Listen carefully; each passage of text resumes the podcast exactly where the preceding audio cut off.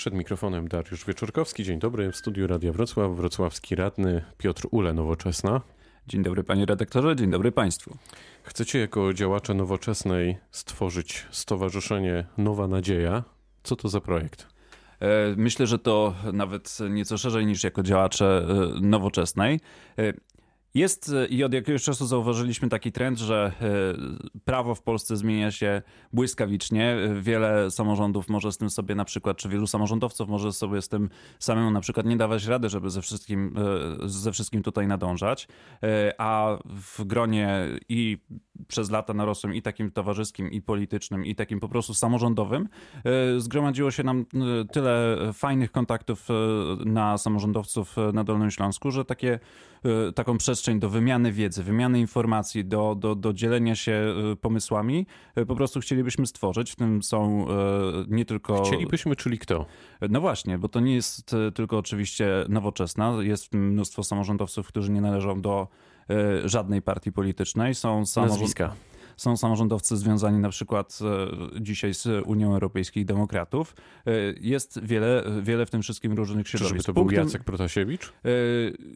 To jest stowarzyszenie samorządowe i punktem wyjścia do niego jest, e, są radni z klubu sejmikowego Nowoczesna Plus. E, oczywiście członkami są też radni e, miejsce nowoczesnej, to też jest jakby naturalna sprawa, ale sam ten skład klubu sejmikowego Nowoczesna Plus też niech o czymś świadczy, tak? ponieważ jest trójka radnych nowoczesnej, dwójka radnych e, takich samorządowych, czyli Stanisław Huskowski, e, wcześniej były poseł, Ryszard Lech, e, bardzo też szanowany samorządowiec, e, radny sejmiku Dolnego Śląska. E, jeżeli chodzi o nazwisko, to przyjdzie na to jeszcze czas, żeby e, wprost pokazać szczegóły, natomiast jedno, co mogę powiedzieć bardzo jasno, mamy reprezentację i na poziomie radnych każdego z poziomu samorządu od jednostki pomocniczej do Sejmiku Województwa i mamy też osoby, które były bądź pełnią funkcje wykonawcze od poziomu e, wójta, burmistrza na poziomie gminy, poprzez wiceprezydentów e, miast, mamy starostów byłych aktualnych powiatów, mamy e, byłych członków zarządu województwa. No i ja teraz sobie wchodzę w głowę prezydenta Jacka Sutryka, słucham wypowiedzi radnego, współkoalicjanta i zastanawiam się, czy tutaj przed moim nosem nie rośnie mi konkurencja polityczna. Czy prezydent Jacek Sutryk wie o tym projekcie i nie ma nic przeciwko? E, to nie jest oczywiście tak, że my czujemy się zobligowani do tego, żeby konsultować nasze działania w zakresie budowania think tanku akurat e, konkretnie z panem prezydentem, chociaż życzymy e, oczywiście jak najlepiej naszej współpracy w, w przyszłości. I myślę, że więcej mądrości, więcej wiedzy, więcej informacji w debacie o samorządzie to tylko dobrze i nie wiem czemu, nie widzę takich powodów, dla których ktokolwiek mógłby się tutaj obawiać, że to jest jakiegoś rodzaju zagrożenie ja powiem, tak słowo dlatego że możecie tupnąć nogą. E, prezydent Sutryk ma policzone szable w Radzie Miejskiej. Jeśli wy byście jako nowoczesna albo jako nowa nadzieja powiedzieli, nie, nie podoba nam się ten projekt, co już zresztą raz zrobiliście, no to ten projekt nie przejdzie. E, naturalne jest, że kiedy rozmawiamy o projektach uchwał na poziomie Rady Miejskiej czy na poziomie Sejmiku Województwa Dolnośląskiego, to za każdym razem, kiedy taki projekt uchwały trafia do radnych, to zastanawiają się nad tym, e, czy na przykład e, różnego rodzaju wnioski mieszkańców do tego są warte uwzględnienia, To jeszcze inaczej zapytam. Czy chcecie się wzmocnić poprzez ten ruch, na przykład w Radzie Miejskiej? Jeżeli za wzmocnienie traktujemy lepiej przygotowane, jak najlepiej przygotowane projekty uchwał, jeżeli za wzmocnienie traktujemy E, czy przyjmujemy coś takiego, co jest e, po prostu wzmocnieniem merytorycznym w oparciu o ekspertyzy, o wymianę informacji z innymi samorządowcami z innych, z innych części regionu i nie tylko z Dolnego Śląska, no to e, oczywiście tak, jest to wzmocnienie, ale myślę, że tutaj naprawdę skupiamy się na tym, żeby stawiać bardzo mocno na jakość debaty publicznej, szczególnie na poziomie samorządowym, bo mam wrażenie, że trochę, trochę jest to przestrzeń zaniedbywana, szczególnie też przez organizacje pozarządowe. Jeżeli jest przestrzeń, no to po prostu, e, której nikt do tej pory nie zagospodarował, to trzeba ją po prostu zająć, bo, bo, bo szkoda byłoby. A czy szef y, Nowoczesnej, pan Adam Szłapka, wie o tej inicjatywie i gdzie w tym wszystkim jest Nowoczesna w takim razie? Y, ja myślę, że to w żaden sposób nie pokrywa się z y, funkcjonowaniem Nowoczesnej jako takiej, ponieważ think tank, bo takie jest, takie jest założenie, że no, Nowa Nadzieja to jest think tank, nie jest podmiotem, który w jakimkolwiek sposób w swoich celach statutowych wyklucza się z przynależnością do partii politycznych czy do jakichkolwiek innych organizacji. Myślę, że to też jest taki ukłon w stronę E, wszystkich członków e, stowarzyszenia, żeby nikt nie czuł się na przykład w żaden sposób ani niekomfortowo, ani przymuszany do czegokolwiek, ani, ani, ani nikogo nie chcemy stawiać w sytuacji zero-jedynkowej, bo naprawdę chodzi o to, żeby robić jak najlepszy samorząd, jak najlepszy samorząd dla mieszkańców, żeby opierać się nie na pobożnych życzeniach albo temu, tego, co nam się wydaje na tak zwany chłopski rozum, czy na zdrowy rozsądek, tylko opierać się na wiedzy. A jaki ma mieć w tym udział Rafał Dudkiewicz? Y, na pewno w funkcjonowaniu Stowarzyszenia Nowa Nadzieja będziemy opierali się na y, ludziach, którzy już mają określony bagaż doświadczeń, y, przeżyli różnego rodzaju zmiany prawa, przeżyli rządzenie miastem, miejscowościami, powiatami, województwem w różnych okolicznościach i to jest naprawdę skarbnica wiedzy. Lepiej się jest uczyć na czyimś doświadczeniu, na czyichś błędach niż na własnych. I z tej perspektywy osoby z tak dużym doświadczeniem jak Rafał Dudkiewicz oczywiście byłyby E, wielkim wzmocnieniem. Ja czytałem jego komentarz e, w, to zatrzymajmy się. na stronie jego internetowej. Zacytuję. Rafał Dudkiewicz powiedział w rozmowie z Malwiną Gadawą coś takiego. W najbliższym czasie nie planuję powrotu do polityki. Oczywiście nie wiem, co przyniesie przyszłość. Zobaczymy. Zawsze też podzielę się moją wiedzą i doświadczeniem na temat naszego miasta. Oczywiście zgodnie z obietnicą, nie odnosząc się do bieżącego funkcjonowania miasta i jego problemów. To znaczy, że na pewno nie będzie, tak przynajmniej wnioskuję, e, krytykować, oceniać rządów Jacka Sutryka, tylko ewentualnie może się odnosić do przyszłości. E, I chyba lepiej patrzeć w przyszłość. Wydaje mi się, że po to, żeby dobrze patrzeć i mądrze patrzeć w przyszłość, to trzeba mieć też dobrze zdiagnozowaną przeszłość e, i trzeba mieć też e, tak zwaną pamięć instytucjonalną, która często jest w głowach e, poszczególnych osób po prostu fizycznie, szczególnie w samorządzie, kiedy często te instytucje dopiero powstawały na bieżąco, stykając się z konkretnymi problemami. Rafał Dudkiewicz na przykład, ale nie tylko on, ponieważ jest jeszcze cały szereg innych samorządowców z wielkim doświadczeniem. To są cztery kadencje po prostu ciężkiej pracy dla, dla miasta.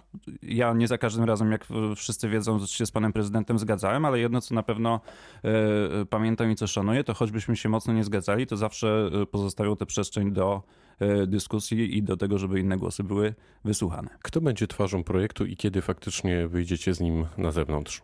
E, informacje o tym, e, co dalej ze stowarzyszeniem, no to musi najpierw e, sąd zarejestrować stowarzyszenie. Ten proces trwa i na pewno bardzo szybko po tym, kiedy tylko stowarzyszenie będzie za, zarejestrowane, to będziemy wtedy już publicznie informować o tym, jakie. Kiedy pan to przewiduje?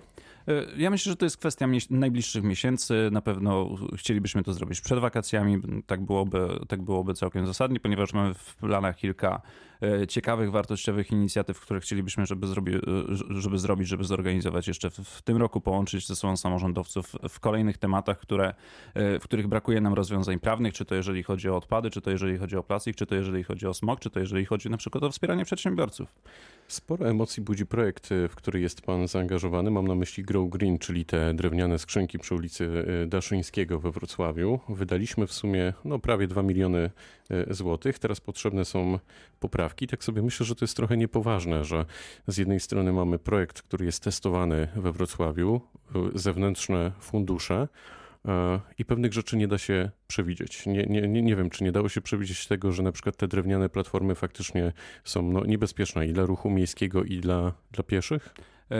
E, ja zacznę od sprostowania jednej informacji, która tutaj się pojawiła. Projekt Grow Green to nie 2 miliony, tylko ponad 12 i nie... Ale mówimy konkretnie nie o tych skrzynki, skrzynkach. Nie skrzynki e, na ulicy Daszyńskiego, e, tylko sześć podwórek, zielony przystanek, elementy przebudowy jeszcze jednego skweru i dopiero na sam koniec zielona ulica Daszyńskiego. Same tak. skrzynki to jest bardzo ja nieduża część słowo, tego... Dopowiem, dopowiem mhm. panie radny, że tutaj to nie jest kwestia prostowania, tylko na razie jesteśmy na etapie tego projektu realizacji jeśli chodzi o te skrzynki? Znaczy nie, nic nie, więcej nie, się nie pojawiło? nie. Jeżeli chodzi o podwórka, to w tym momencie jesteśmy już po tak naprawdę wszystkich wydatkach kwalifikowanych w, z funduszy europejskich, które otrzymaliśmy na to.